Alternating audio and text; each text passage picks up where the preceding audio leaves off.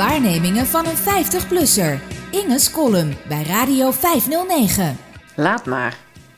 Het bestuur van onze faculteit vond dat het tijd was voor een gebaar. Ze wilden alle medewerkers een cadeau geven omdat we maandenlang thuis moesten werken vanwege het coronagedoe.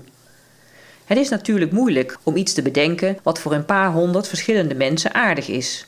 Daar begin je niet aan als werkgever. Bovendien is het versturen van pakketjes ingewikkeld en kostbaar. Dus kregen we een cadeaubon. Zelf heb ik altijd al een hekel gehad aan bonnen, van welke soort dan ook.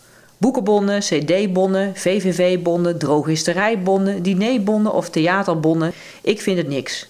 Het gaat bij mij ook altijd mis met die bonnen. De winkel waar ik iets wil kopen voor een bon blijkt daar opeens niet meer aan te doen. Of het artikel dat ik ervoor wil kopen is net uitgesloten van de aanschaf met een bon. Mensen die je een bon geven zeggen er vaak geruststellend bij: Deze kun je echt overal inleveren hoor, zo handig. Maar mijn ervaring is heel anders. En ik laat de geldigheid van een bon ook nogal eens verstrijken. Gewoon uit laksheid, omdat ik het vergeet of niet weet wat ik ermee wil doen. Zo moet ik ergens in mijn werkkamer nog een zogenaamde pluim hebben liggen. Die heb ik meer dan tien jaar geleden gekregen van mijn toenmalige teamleider. Daar kon je zogenaamd ook van alles mee doen. Niet alleen een artikel kopen, maar ook een workshop sushi maken of een voetmassage of kleimasker. Ik doe er niet meer aan mee. Ik lever een bon uit principe niet in.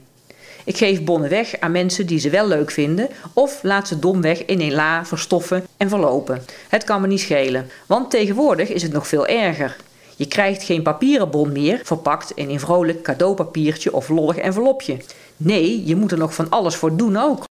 Mijn faculteit stuurde ons een mail van Jesti. Daarin stond dat je een verrassing kreeg van het faculteitsbestuur. Dat hield in dat je een link moest aanklikken. Daarmee kon je op een website met veel gedoe en de nodige in te geven codes een keuze maken voor een cadeaubon. En die virtuele bon kon je dan weer besteden in een webwinkel. Laat maar. Aan zo'n verrassing heb ik geen behoefte. En dan laat ik de bedenkelijke toegankelijkheid van de verschillende sites maar even buiten beschouwing. Deze manier van cadeaus geven is vooral aantrekkelijk voor de gever. Die handelt de zaak efficiënt af, hoeft niet na te denken en kan zichzelf geruststellen met de gedachte dat hiermee toch echt iedereen tevreden moet zijn. Maar bij mij als ontvanger roept dit zoveel weerstand op dat ik letterlijk weiger om een munt uit te slaan. Gelukkig heeft mijn geliefde meer geduld en hij heeft dan ook een screen protector voor zijn nieuwe iPhone gekocht op kosten van mijn werkgever. Het is hem van harte gegund als ik maar niet hoef. Ik wil een cadeau dat door iemand wordt uitgekozen, door een persoon in een winkel ingepakt en van een gezellig lintje voorzien. Het pakje een beetje gehavend door het vervoer en klem zitten in een tas. Desnoods een stickertje erop met bedankt of gefeliciteerd. Het mag dan wat mij betreft ook best een fantasieloos algemeen cadeau zijn, zoals een doosje bonbons, een fles wijn of desnoods bloemen. Zelfs iets waar ik niet blij mee ben, zoals pure chocola, wat ik niet lust, of badschuim, we hebben geen bad, vind ik beter dan een bon. Ik heb veel liever een nutteloos, verkeerd gekozen of saai cadeau dan zoiets anoniems als een linkje in een mail waarmee je via via en met veel moeite iets kunt bestellen bij een webwinkel.